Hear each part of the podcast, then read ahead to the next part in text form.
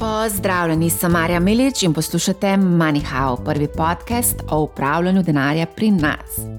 V seriji mini epizod bomo objavili nekaj izsekov iz dogodka MoneyHow Live, eh, ki se je zgodil konec oktobra eh, letošnjega leta. Ob tej priložnosti bi seveda vas povabila tudi na nov dogodek MoneyHow Live, ki se bo zgodil naslednje leto in sicer 20. aprila, eh, spet v Kristalni palači. Število mest, kot je bilo tudi zdaj, bo tudi ponovno omejeno. Mislim, da sprejme največ 200 obiskovalcev, tako da vabljeni, da se nam pridružite. Na Discordu sem pa tudi že odprla debato ravno o tem dogodku, ker vas sprašujem, katere goste bi si želeli ponovno uh, slišati, videti, spoznati. Tako da vabljeni v to diskusijo. Tudi sicer vas vabim, da se nam pridružite v debatah na, v številnih kanalih na Discordu. Discord povezavo bomo objavili tudi v opisu epizode, prav tako tudi vabilo uh, na dogodek MoneyHow Live. Tako da spremljate nas budno in seveda se v priložnosti tudi vidimo. Epizodo lahko poslušate na vseh večjih podcast platformah, prav tako pa si jo lahko pogledate na YouTube kanalu in pa krajše izseke na TikToku. Torej, prijetno poslušanje in gledanje. Na odr vabim Dajmen Mrlak, izvoli, kar vse se zraven mene, ja, seveda. Potem Blaž Hribar, član uprave pokojninske družbe. A, Blaž, ste tudi že imeli večkrat priložnost slišati na podkastu. Andraž Brili, z njega ste že spoznali, evo in Andraž Graha.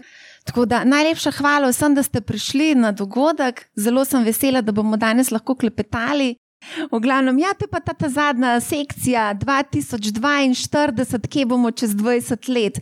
Pa mogoče ne bi sam glede demografije, ker nam ne kaže prav dobro, ne? ampak me zanima, kje, bo, kje bomo čez 20 let, kje bojo borze, a se splača danes investirati in bomo čez 20 let milijonari, milijarderji. Kdo bo na to težko vprašanje odgovoril? Ti blaž se tako ukvarjaš z dolgoročnim planiranjem. Tako da povej, ja, bote, čez 20 let bomo kje. Boste precej premožni, če boste vsak mesec neki dejali na stran. Delnice zgodovinsko prenesejo 6 do 7 odstotkov realno, zdaj pa zračunite, koliko boste dali, pa koliko bo to čez 20 let. Ne. Pa ignorirajte pace, pa vzpone. Torej, lani je bilo plus 30, letos je minus 20, ali glih je ne 5, 6, 7 odstotkov v dveh letih, zanimivo. Skratka, klene, kje so te številke skozi zgodovino bile in uh, ne vem, zakaj se ne bi zgodovina v tem delu uh, tudi nadaljevala oziroma ponavljala. Ne dejansko uničenje popolno vašega razpršenega delniškega portfelja ne, se je zgodilo, sam, če ste imeli med drugo svetovno vojno v Nemčijo naložen premoženje, ne, ker so dobesedno vse pobili, pa vse uničili, ali pa na Japonsko, ne, kjer je bilo podobno. Uh, tako da, če ne pride do tretje svetovne vojne, ali pa če nas ne napadejo Marsovci, če se malo pohecam, pa lahko na osnovi zgodovine sklepamo, ne, da bo tam nekje 5, 6, 7 odstotkov ta prava številka za razpršen delniški portfelj. Um, Bi pa predlagal, da greste postopoma, to ste danes že od večjih slišali, da ste ustrajni pri tem, da ne uh, reagirate na naslovnice. Ne? Če imate kakšno nepremičnino, ni treba kuj prodati. Ne? Uh, nepremičnino pa res imamo hitro prodano, to se pa res ja. drži, dokler, dokler res, res ne gre. Ne? Ja. Uh, pa se pa proda, pa, pa začne rasti, ponovadi tako. Ja. Uh, tako da To bi bilo v osnovi to, no, uh, kar se tiče kemo čez 20 let. Ne. Tisti, ki bodo finančno odgovorni do sebe, bojo premožni čez 20 let. Tisti, ki bodo finančno neodgovorni do sebe, bojo na takem, kot so danes, ali pa še na slabšem. Odločitev je pač vaša. Kaj pa penzije čez 20 let ne bomo videli? Ne? 67 je maja, se pravi, se bo podaljšal do kok. Jaz jo bom videl, ker vrčujemo pokojninskem skladu. Za tebe pa ne vem. Oj, oj. Zdaj, povej, Zdaj pa imaš. Zdaj pa imaš. Jaz ja. sem po mojem najbolj sivkle med vsemi gosti. Po mojem bom čez dober, 25 let, po mojem, že spolno pogoje za penzijo. Um, ne, se, če gledamo v bistvu dolgoročno nepremičnine, ne, kaj se je pravzaprav z njimi dogajalo, ne, one zelo lepo korelirajo z rastjo bruto domačega proizvoda. Tako da nepremičnine praktično na dolgi rok uh, skozi pridobivajo, tako da se naša kupna moč, bruto domači proizvod povečuje, pove, se pač nepremičnine tudi uh, pridobivajo uh, na ceni. Problem je predvsem nastane takrat pri nepremičninah, tudi niso tako volatilne in tudi v poprečju so recimo rasle v bistvu skoraj kot kakšen ameriški indeks, ne, na tudi na dolgi rok, ne ima pa, pač vedno so, je bila rast. Problem nastane takrat, če moramo mi kakšno to našo naložbo likvidirati, oziroma rabimo likvidnost in moramo pač prodati v nekem ciklu, ki ni ugoden, ne, ker je pomankanje likvidnosti, ker so kupci zadržani ali pa ni, ne, in v tistem primeru morajo. Moraš na silo prodati in dati nek diskont, ne. to jih ni najboljše obdobje. Če pa ti imaš nepremičnine, ki jih imamo za bivanje, pa to ne kot naložbe, ne bojo pa v bistvu pridobivali na vrednosti in se nam nikamor ne, ne modi. Ne. Tudi zdaj, verjetno, če bi danes prodal neko nepremičnino, ki si jo kupil na, na vzvod, na kredite, ne, pa si imel zelo dobre pogoje, ne, po fiksni obrestni meri, ki so bile ene pa pol, ne, uh, boš danes, če boš hotel kupiti novo nepremičnino, se bo zelo težko zadolžil. Uh, po takih ugodnih pogojih, kot so jih imeli takrat. To, to je tudi en od razlogov, zakaj se tudi zdaj, mogoče marsikdo ne odloča za, za prodajo take nepremičnine, ki ima zelo dobre kreditne pogoje v zadnje. Mogoče pa lahko vprašamo kakšno nepremičninsko posrednico, ki sedi v prvi vrsti in se imenuje Monika Brili. no, da povej, Monika, kaj dogaja na, na trgu, kakšne so stranke, so zahtevne stranke, kupujejo res z, z gotovino, res dajo pol milijona gotovine. Mi dva včasih imamo drugačna razmišljanja, ne? ker pač jaz sem odvisna ne? od svojega dela, od prodaje nepremičnine. Ne? Uh, in rečem, da pač se na trgu ne, ne bo nič kaj drastičnega zgodilo. Mogoče, ko gledam svoje stranke, ne, ker pač vedno bojo ljudje, ki bojo pač kupovali nepremičnine ne, ali pa, pa pač prodajali. Ne, bo tu vem, smrt, ločitev, uh, dedovanje, karkoli. Uh, danes sem imela zanimivo eno stranko, uh, ki bi pač prodajala stanovanje, zamislila si je ceno zeleni gaj 400 tisoč evrov pa rekla, meni se zdi ta cena čisto ok. Pesko, v redu, gospa, kaj pa če vam jaz v bistvu pripeljem kupca za višjo ceno? Ne? Pa rekla, ne, meni je to čisto v redu. Pesko pravim, aha, se pravi, če bi vam jaz pripeljala kupca za 410, ne? ker ona že ima nekega navideznega kupca. Pa rekla, ne, jaz sem ravno kar podpisala pogodbo, da bo pač kupila neko nepremično izven Ljubljane, se pravi, kredita ne rabi, ker je pač podpisala pogodbo za nakup. Uh, pri tej prodaji se pa v bistvu ne mudi ne? in bi bila pač zadovoljna 400 tisoč evri. Tako da včasih sem tudi presenečena na, nad ljudmi, no? uh, nad uh, njihovim razmišljanjem o sami prodaji. Tako da zaenkrat gre meni zelo dobro, moram reči. No? Uh, mogoče se trg v tem smislu umirja, kot je Andraš rekel, ampak še vedno se nekaj dogaja. No? Tako, uh, pač, ja. Mogoče, če še, če še dodamo. Ja, ja. Pri nas je v bistvu uh, glavna tema, da so doma nepremičnine, tako da moramo včasih za zavestno ustaviti, pa rajka še nekaj Seinfelda pogledati, ali kaj, da se ne pogovarjamo o nepremičninah. V bistvu je bilo zadnje desetletje ne, te presežne likvidnosti, tudi iz, iz Bitcoina, iz delnic in vseh drugih. Uh, uh, asset klasov, je prišlo zelo veliko nekega kapitala na trg in te ljudje.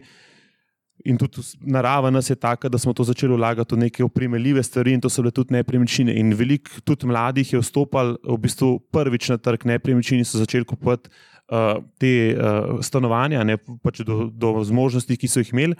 Veliko teh, ne, ki so pa obogateli z, uh, z balkanskimi delnicami, pa v preteklosti, ne, pa so takrat v bistvu bili dosti pametni, da so dosti malo potegnili ven to naložbo. So pa v bistvu zdaj ugotovili, ne, da so takrat recimo stanovanje kupili za 150 tisoč evrov, uh, danes je bilo to stanovanje vredno 300 tisoč evrov. Uh, v mestnem obdobju desetih let so se razdolžili, prodali so to stanovanje za 300 tisoč evrov, ponovno vzeli kredit za 200 tisoč evrov in so si lahko prvoščali v bistvu nepremičnino že za pol milijona. Ne? Ker pred desetimi leti smo, so bile transakcije z pol milijonskimi stanovanji nekaj neobičajnega. Ne? Redko kdo si to lahko uh, prvoščil, praktično v teh transakcijah, mogoče vem, 10, 20 na leto, zdaj pač pol milijona, mislim, je že čist nekaj običajnega, zdaj tudi ni nič neobičajnega, ne vem, stanovanje za 700-800 tisoč tudi v Ljubljani. Tako da zdaj ta meja se je predstavila še više. Ne?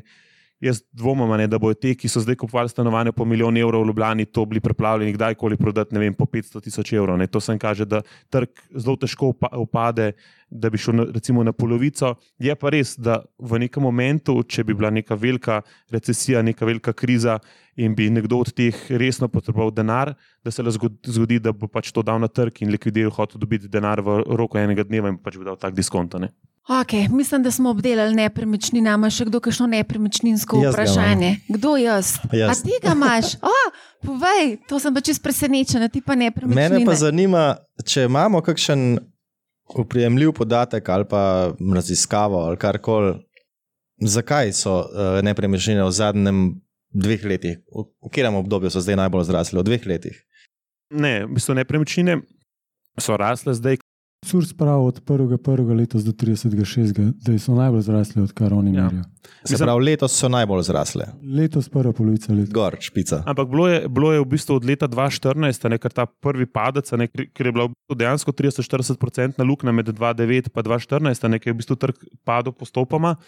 Je odvisno od 2014, ki sledi odboj, v bistvu se je spremenil samo sentiment, se je na trgu ni nič spremenila, ne, ampak sentiment ljudi se je spremenil, je trg praktično eksponentno rastel. Sam meni se zdi, da je od uh, začetka COVID-a do danes, da je, Ja, z- eh, mislim, da je glavnina te rasti se zgodila. Posledično temu je tudi to, ne, ker je trg je v času COVID-a zastal ne, in takrat je v bistvu ta denar, ki je bil že v eksponentni rasti, se je v bistvu začel nabirati pred nekimi vrati. Ne, in potem, ko so spustili to in strah pred inflacijo, ugodne financiranje, vsi pogoji so bili nekako izpolnjeni, Ležarine. ležernine, strah pred ležarinami, predvsem te. Sam te ležarine so se to stanje ampak, je, da ampak, je bil strah, ja, ampak je bil strah ljudi. a ne. Psiholo trigger. psihološko ne, ja, ampak to je tako, če imaš ti, ne vem, 100 tisoč evrov na banki, pa če ti 200 evrov tam vzamajo na let. Vem, Aj, ampak uh, bilo je v sentiment ljudi, a ne starejši ljudje so imeli strah. Vzem Mislim, če imaš mo- 100 vzem tisoč evrov na banki- videl, kaj se zgodi.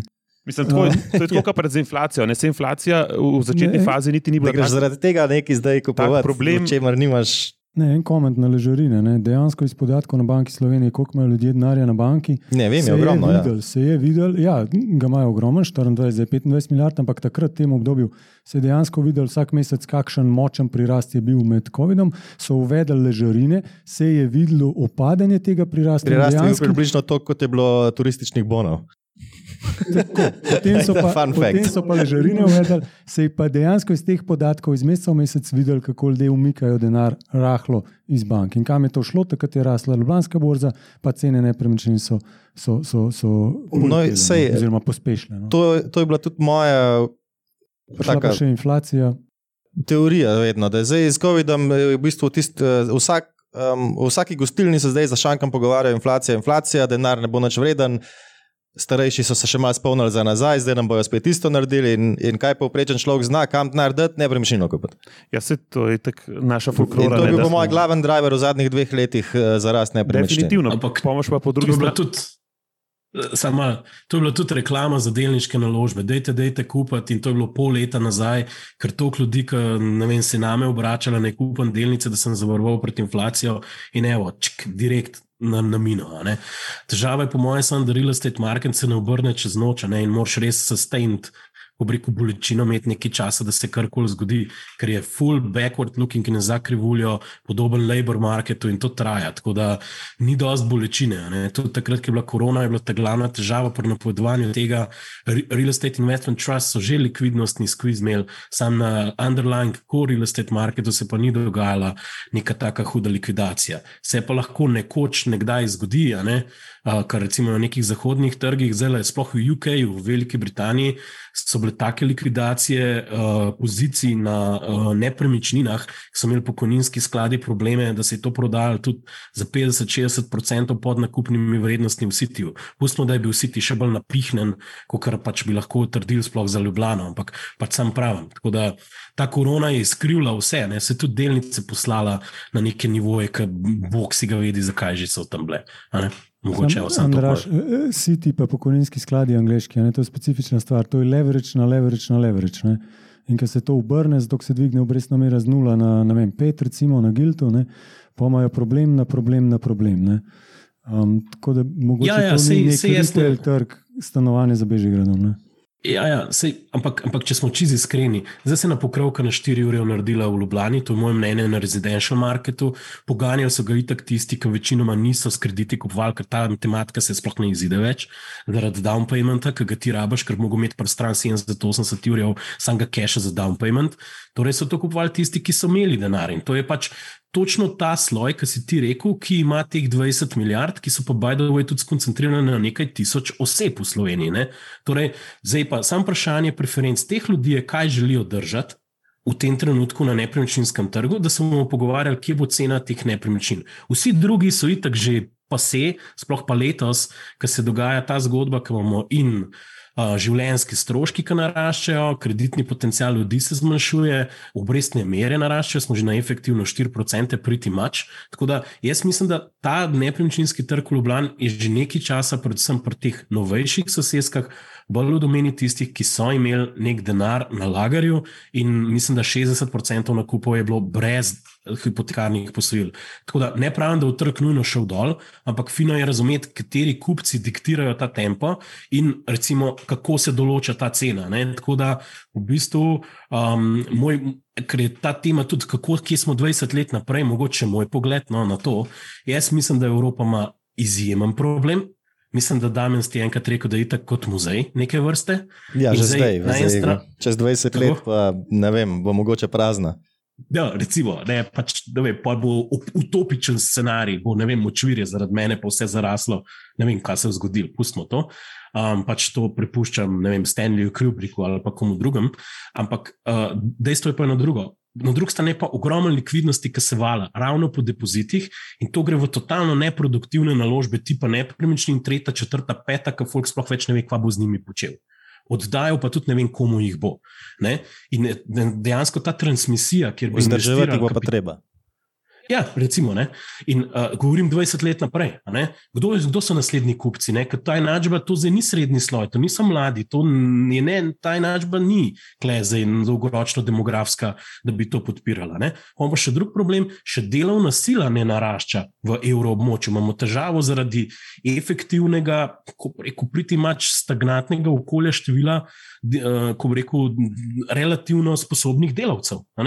In to pomeni, da je treba produktivnost dvigati in bo treba investirati v pač, da imamo reči, tehnologije, podjetja in druge stvari, ki bojo produktivnost na investiran kapital dvignili. In klej, jaz vidim problem Evrope, ker denarja imamo več kot dovolj, vala se po bančnih bilancah, zdaj še ECB rekla, da bo plačvala 1,5% na ta denar pri bankah, iskreno povedano, jaz bi pustil tisto na nulo, pa ne najprej refinanciranje se podraži, da bo še banke žulile pozitivne obresti, ker folk ne ve, kaj s tem denarjem, to je spet neko subvencioniranje bančnega sistema, pač ta politika ECB-ja mi spet ni najbolj jasna.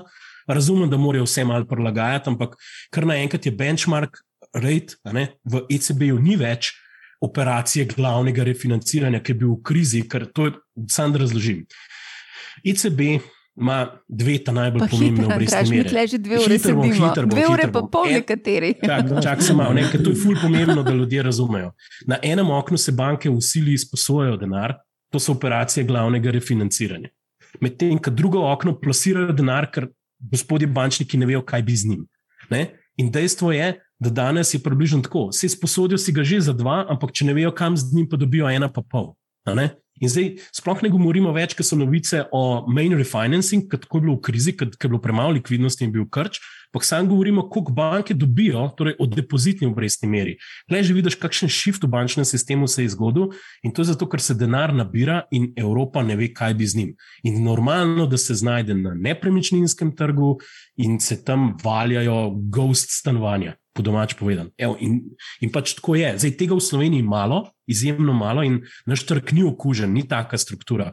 Ampak če bomo tako nadaljevali in 20 let naprej to previjemo, potem bomo vem, iz teh 25 milijard ratali 50 milijard in pač ne vem, tisti, ki bomo imeli ta denar, lahko prostovanje. No, to, to je zelo, zelo, zelo žalosten svet, v katerem pač bomo živeli. Torej, nekaj treba. Vsi skupaj imamo neko dolžnost, po mojem mnenju, ki sodelujemo v tej panogi, da nekaj produktivnega najdemo, ali na nepremičninskem področju več dostopnih stanovanj, recimo, ali pri podjetjih več kapitala, bolj ambicije. Pač nekaj v tem smislu rabimo, če hočemo rasti. Ker če ne bomo zmer bolj investirali na druge trge, je pa še tam problem, na katere, zdaj zaradi geopolitike. E, e, en, en, enostaven predlog za rešiti tvojo dilemo glede teh uh, praznih stanovanj. Ne? Uh, pač povišaj davek na nepremičnino, ne? pa boš hitro to rešil. Ne? Ja, seveda. No, davčni ja, strokovnjaki, Ivek, Mogoče bi še nekaj rekel, pa ne blad se tega dotikata. No, da Ivek ti povej, prazne stanovanje in obdavčitev. Kako je v Dubaju? Davek na nepremičnino. Da, mislim, da ni. Ja, ali pa koliko je v Ameriki? V Ameriki pa je. Ne veste, no, pač prpet se začne, pa gre pa naprej. Če te v Miami kupil bajto, ne prepravite predvsej denarja vsak let, ne, da ga v te sploh, da v te sploh lahko šli tja na obisk. No. Uh, če ne pa kakšnega NBA igralca, prašte, no, vam bojo povedali, drago je. No.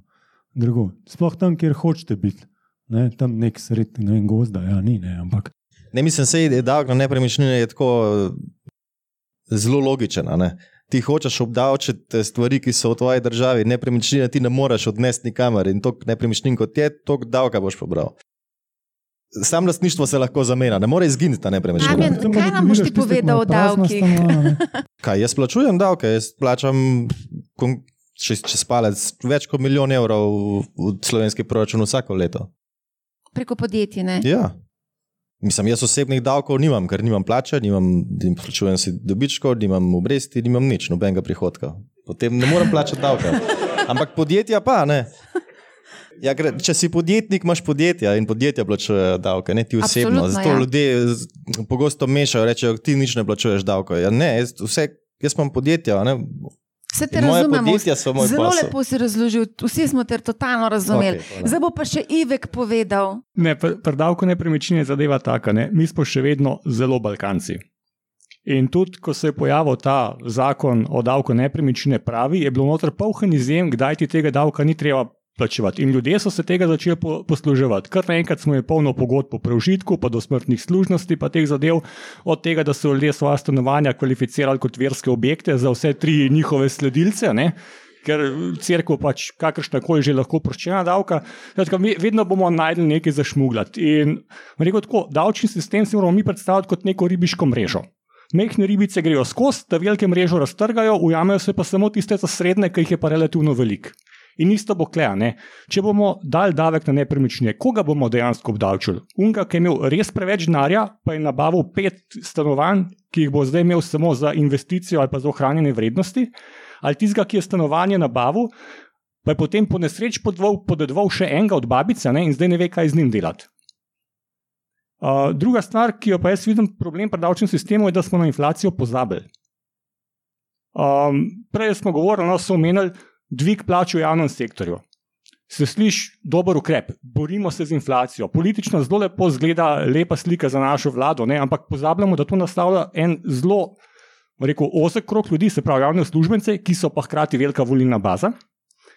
In kot drugo, ne, a z zviševanjem plač res rešujemo inflacijo, a ne bi bilo mogoče boljš povečati splošne olajšave. Tega, ker splošna olajšava naslavlja vse zavezance, ne samo javni sektor, in kot drugo, namen splošne olajšave je pokriti tiste najbolj osnovne kor stroške, ki jih imaš ti za življenje. Da, če vemo, da je splošna olajšava 4000-4200 evrov, ne se pravi 375 na mesec, a ti s 375 evri na mesec lahko preživiš. Pa je dodatna olajšava, recimo za otroka, ne, 220 evrov na mesec.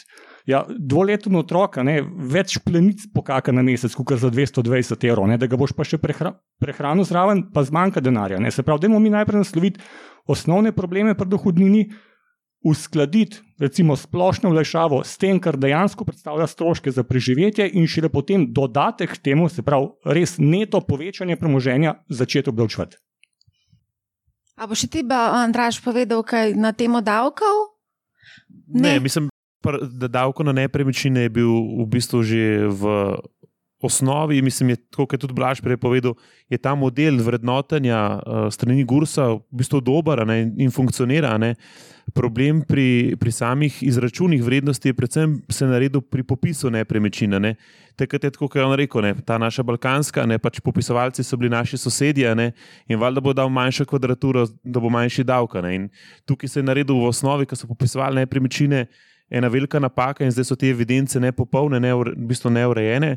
To se z novimi zakoni, seveda, ko so ugotovili, to izboljšuje in zdaj v bistvu vse novi objekti pa to imajo katastarski opis in so uradno izmerjeni, ampak tukaj imamo ogromno stvari, ki so nedorečene in tudi, če oni izračunajo neke vrednosti, je tukaj ogromno enih možnosti za pritožbe, ugovore in tako naprej, zakaj kakšne vrednosti niso pravilno izračunane in da je davek na- napačno izračunan. Še jaz bi sam dodal, zdaj, ko sem rekel, ta davek na nepremičnine. Um, mene moti to, da se mi pogovarjamo o tem, da, se, recimo, da, da imamo uvesti nek nov davek, da imamo uvesti davek na nepremičnine, ampak nič se pa ne pogovarjamo, da bi mogoče zamenjali kakšnega. Da imamo uvesti davek na nepremičnine, ok, sam da imamo ukiniti dohodnino. Pač zdaj to, to zbalansirati, da bo iz nepremičnin prišlo to, kar prije iz dohodnine, ker dohodnina je totalno nefer davek. To je totalna norost, vse vem, da ga ima večina zahodnega sveta, ampak Kje je logika v tem, da ti kaznuješ ljudi, ki hočejo več delati, pa biti več zaslužiti, pa biti bolj produktivni in jih, in To je jih ti ful po glavi dobro, ker udariš smo to? delali primerja. Bravo, dajme, to si zelo popovedal. Za Rešitev mogoče pa ideja, ki je meni osebno zelo blizu, enotna davčna stopnja. Zakaj imeti progresivno obdavčitev in več Ja, to obdavčiti tiste, ki. A Veliko veš, ta je bila ideja o enotni davčni stopni. Leta 2, 3, 2, 2000. 4. Tam je Jaz se še Sedem, spomnim članka o financah. Semolič je bil, Semolič je rekel, Semolič je bil. Izjava je bila, um, gre za prevelik odpustek bogat. Jaz sem ga vprašala, kaj pa, če bi bila to attitude, dobra ne. rešitev, kdo bi prevzel odgovornost, če se recimo izkaže, da bi bila potencijalno lahko to dobra rešitev. Me je pogledal, kako to mislite. Samo slovaško pogledamo. Mislim, boljša rešitev je, če se enotno davčno stopnjo. Ampak Ivek, ti si naredil izračun, primerjal si plače Slovenca, Hrvata in uh, Avstrica. Ne? Kaj smo ugotovili? Ah, prva stvar, ki smo ugotovili, da imamo pri nas zelo visoke neobdavčena povračila stroškov. Se pravi, to je pri nas socialni korektiv, neuradni. Druga stvar, ki smo ugotovili, je, da so pri nas nizke plače relativno ugodno obdavčene v primerjavi z ostalimi, potem pa višji, ki gremo, manjša je ta razlika. In pri zelo visokih plačah Slovenija rata nekonkurenčna. Zato greš v Srbijo. Se se hecam. V bistvu Ivek, Res. V bistvu Ivek ugotovil, da je progresija še večja, kot je v resnici na papirju. Zato, ker vsi dobimo isto za malce prevoz, ne? in ti zgre, ne gre v davčno osnovo. Ne? In če bi še to vključeno od pa neto preračunali stvari, bo ugotovil, da je progresija še večja. To pomeni, da so višji dohodki še relativno bolj obdavčeni. Oziroma so spodnji manj, no, da jim raj tako Um, da nam zdaj za- zabredel v, v plače, to je ločena tema, verjetno bi lahko to naredili kar eno ekstra, uh, ek, ekstra, ekstra dogodek. A je še kakšno vprašanje z publike? Izvoli. Ja, jaz bi imel še eno vprašanje vezano na nepremičnine. Glede na to, da se lahko strinjamo, da je bil najbrž glavni gonilec teh rasti cen, da je eh, povpraševanje bistveno presegalo ponudbo. Kaj bi lahko naredili, da bi povečali ponudbo? Na začetku je bilo menjeno, da je Korvin potreboval koliko sedem let, pa še vse ni. To je bistveno predolg traja, preveč birokracije. Kaj lahko naredimo, da ta del olajšamo in zakaj tega še nismo naredili? Predvsem imamo tukaj, to je večstopenski problem. ne. Predvsem moj glavni je to, da uh, ne znamo privabiti pravih investitorjev, ki bi sistematično vlagali v zemljišča in v razvoj nepremičninskih uh, projektov in v veliki meri dodajali nek stanovanski fond. Uh, problem je tukaj. Problemov tukaj, zakaj jih ni, je več.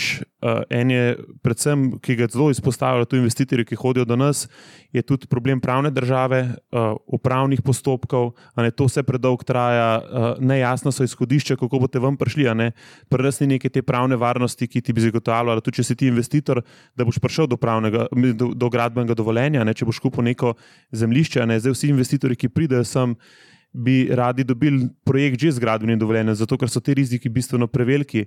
Uh, domačih investitorjev, ki bi bili kapitalsko dovolj močni, da bi si ustvarjali nek uh, fond uh, zemljišča ne, in načrtovali neke projekte, ker to so v nepremičninskih projektih vedno cikli dolgi. ne. In vi morate danes začeti, da boste gradili nekaj čez pet let, ne usporedno morate pa razvijati še ene tri, tri projekte. Tako da okolje, v katerem smo, smo ni zelo privač, privlačno za nek kapital, tako domači kot tuji, da bi se v veliki meri odločali za izgradnjo večjih projektov. Eh, Problem je tudi z spremljanjem prostorskih načrtov, eh, te postopki so prepočasni, eh, preveč vpliva imajo same občine, tudi kjer zemljišča bojo zazediva, ni nekih strategij.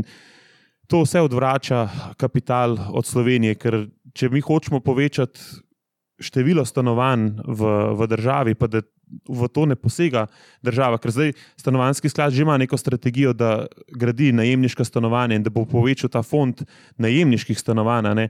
ampak treba je prevladati tudi uh, večje investitorje. Zdaj, če so to domači, super, ali pa so lahko tudi tuje, ne. ampak dokler jim ne omogočimo okolja, uh, ne bomo mogli povečati, uh, ne bomo mogli povečati tega fonda stanovanja, ker to, kar se zdaj dogaja, recimo v Ljubljani, ne, da pride na letni ravni, zdaj, ko smo pravimo, da smo v nekem bumu, ne, manj kot tisoč nekih novih stanovanj. Mislim, to je bistveno premalo, da bi se karkoli lahko uh, spremenilo. To že samo te ljudje, ki so kupujejo kot špekulacijo, ko so imeli presežke, ki imajo te milijarde na računih, ne, so vse pokupili uh, in enostavno oni tudi niso cenovno tako občutljivi. In jim je bilo pač čisto vse na plače 10 ur več za stanovanje, ker si pač to lahko prvošče. Tisti, ki pa išče res, da rešuje nek primarni problem, ne, ne more tekmovati z njimi. In zato so te cene tudi te presežne likvidnosti šle tam, ker so. Ne. Tako da jaz mislim, predvsem je pomembno to, da zagotovimo uh, pravo okolje no, za, za dotok kapitala, ki bo investiral v stanovanske nepremičnine. Mm. Prihaja do ene kadrovske spremembe na NLB sklade, prihaja Luka Podlogar. On je že imel eno izkušnjo z nepremičninskim skladom na General Investments, tako da mogoče, mogoče bojo pa kaj na NLB skladih naredili. Mislim, to, bilo, to bilo zelo do, dobrodošlo, dobrodošlo. Z Lukom se že dolgo poznamo in vem, da, da o tem uh, razmišlja. Tudi mi smo se z njim veliko pogovarjali o tem. V bistvu Ljubljana, pa na Sloveniji na splošno nima nobenega, ki bi recimo gradil tudi uh, stanovanja za, za najem, nek privatni investitor ali pa nek sklad, ne, da bi naredil in načrtno to, to gradil. Maš, je pa si v bistvu zemljišč ni in uh, enostavno bo zelo težko spraviti neke projekte česa. Ne. Tud, recimo, ne vem, na, na naše podjetje se zelo veliko tujih investitorjev uh, obrača, recimo zdaj so zelo popularni Turki.